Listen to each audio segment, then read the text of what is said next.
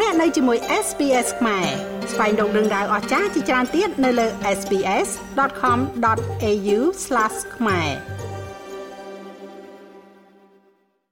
គណៈពេលដែលក្រុមគ្រួសារអូស្ត្រាលីទាំងអស់កំពុងតែទទួលអារម្មណ៍ដឹងថាចំណាយមានការកើនឡើងសហគមន៍មួយចំនួនទទួលរងនៅផលប៉ះពាល់មិនសមាមាត្រគ្នានោះទេ ការស៊ើបអង្កេតទៅលើការឡើងថ្លៃទំនិញខ្ពស់កាលពីពេលថ្មីថ្មីនេះបានទទួលដំណឹងមកថាពលករចំណាក់ស្រុករងផលប៉ះពាល់ខ្លាំងជាពិសេសខណៈដែលក្រុមអ្នកតស៊ូមតិអំពាវនាវឲ្យមានការចាត់សកម្មភាពឲ្យបានខ្លាំងក្លាជាងនេះសម្រាប់ក្រុមគ្រួសារអូស្ត្រាលីសម្ពាធនៃថ្លៃចំណាយការរស់នៅកំពុងតែប៉ះទង្គិចយ៉ាងខ្លាំង។ យោងទៅតាមការស្ទង់មតិនាពេលថ្មីថ្មីនេះវាคล้ายទៅជារឿងធម្មតាទៅហើយសម្រាប់ក្រុមគ្រួសារនៅក្នុងការបោះបង់ចោលនៅតម្រូវការជាមូលដ្ឋានចាំបាច់ខ្លះៗដោយសារតែសម្ពាធនៃថ្លៃចំណាយប៉ុន្តែសហគមន៍មួយចំនួនទទួលរងនូវផលប៉ះពាល់ជាខ្លាំងដោយសារតែការឡើងថ្លៃនិងថ្លៃទំនិញឡើងខ្ពស់ខ្លាំង។ ការឡើងថ្លៃខ្ពស់ខ្លាំងឬក៏យើងហៅថាខ្ពស់កប់ពពកគឺនៅពេលដែលតម្លៃទំនិញសេវាកម្មឬក៏ផលិតផលប្រើប្រាស់កើនឡើងដល់កម្រិតមួយខ្ពស់ជាងអ្វីដែលគេចាត់ទុកថាសមរម្យឬក៏ត្រឹមត្រូវលោក Thomas Costa គឺជាជំនួយការលេខាធិការនៃសហជីព New South Wales ដែលជាស្ថាប័នកម្ពុជាសម្រាប់សហជីពនៅក្នុងរដ្ឋនេះលោកនិយាយថាការឡើងថ្លៃអាចប៉ះពាល់យ៉ាងធ្ងន់ធ្ងរដល់សហគមន៍ជនចំណាក់ស្រុកជាពិសេស។ Overwhelmingly, they are underpaid and paid below minimum wage. យ៉ាងលើសលប់ពួកគេទទួលបាននូវប្រាក់កម្រៃទាបទាបជាងប្រាក់ឈ្នួលអបបរមាប៉ុន្តែពួកគេក៏កំពុងត្រូវបានគិតថ្លៃចំណាយខ្ពស់ហួសហេតុផងដែរសម្រាប់អ្វីអ្វីដែលជាធម្មតាយើងគិតថាវាគឺជាថ្លៃតាមស្តង់ដារឧទាហរណ៍ការស្នាក់នៅនិងការដឹកជញ្ជូនកម្មករចំណាក់ស្រុកត្រូវចំណាយច្រើនសន្ធឹកសន្ធាប់សម្រាប់វត្ថុទាំងនោះច្រើនជាងអ្នកធ្វើការផ្សេងទៀតនិងមនុស្សផ្សេងទៀតនៅក្នុងរដ្ឋនេះដោយសារតែពួកគេងាយនឹងរងការកេងប្រវ័ញ្ច លោក Thomas ក៏និយាយដែរថាបុគ្គលិកកម្មករចំណាក់ស្រុកនៅក្នុងតំបន់ជនបទជាប្រពៃណីជួបប្រទះនឹងការលំបាកផ្នែកហិរញ្ញវត្ថុដោយសារតែថ្លៃជួលខ្ពស់មិនសមាមាត្រទៅនឹងប្រាក់ចំណូល។ migrants working in regional areas in particular particularly ជនចំណាក់ស្រុកដែលធ្វើការនៅក្នុងតំបន់ជនបទជាពិសេសកម្មករសាកវប្បកម្មត្រូវបានគេគិតថ្លៃរហូតដល់ទៅ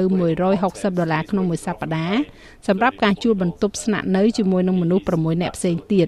វាពិតជាគួរឲ្យសង្វេគណាស់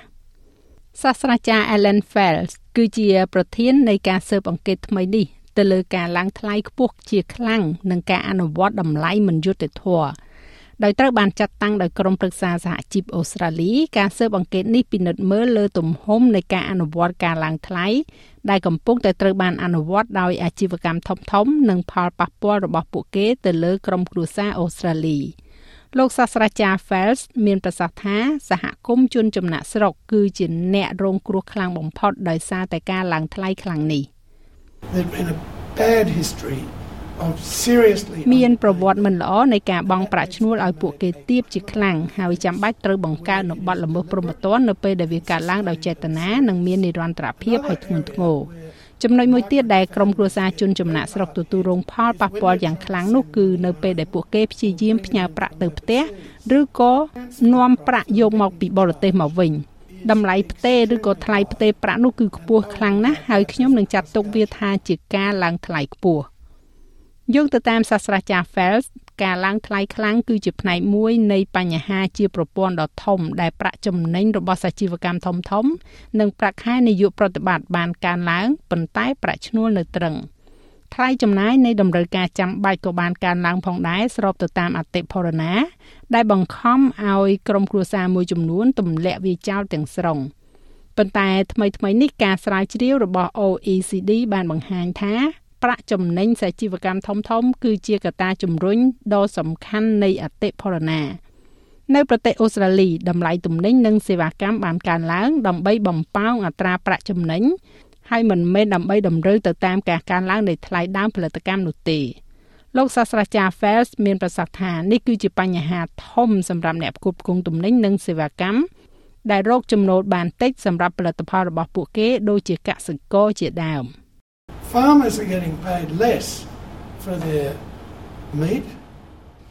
កសិករទទួលបាននូវប្រាក់កម្រៃតិចសម្រាប់សាច់របស់ពួកគេប៉ុន្តែយើងជាអ្នកប្រើប្រាស់អ្វីដែលយើងឃើញគឺថ្លៃម្ហូបអាហារនិងថ្លៃសាច់កំពុងតែឡើងថ្លៃឬក៏កម្រនឹងចុះថោកវាគឺជាបញ្ហាដ៏សំខាន់ព្រោះចំណែកប្រាក់ចំណេញនៃចំណូលជាតិបានកើនឡើងយ៉ាងខ្លាំងចំណែកប្រាក់ឈ្នួលបានធ្លាក់ចុះ មានប្រាក់ចំណេញបន្ថែមជាច្រើនកំពុងត្រូវបានបង្កើតឡើង ហើយវាគឺតាមរយៈការកំណត់តម្លៃអាជីវកម្មជាក់ស្ដែងក្រុមហ៊ុនផ្សារទំនើបយៈ Woolworths បានប្រកាសនៅប្រាក់ចំណេញចំនួន1.62ពាន់លានដុល្លារសម្រាប់ឆ្នាំហិរញ្ញវត្ថុ2023នេះហើយគូប្រជែងដ៏សំខាន់គឺផ្សារទំនើប Coles នោះក៏បានប្រកាសនៅប្រាក់ចំណេញចំនួន1.1ពាន់លានដុល្លារសម្រាប់រយៈពេលដូចគ្នានេះដែរ។ លោក Pradip Philip គឺជាប្រធានផ្នែក Access Economies នៅ Deloitte លោកមានប្រសាសន៍ថាវិធានការផ្សេងទៀតក៏ត្រូវការជាចាំបាច់ដែរដើម្បីទប់ទល់ទៅនឹងសម្ពាធនៃការរស់នៅ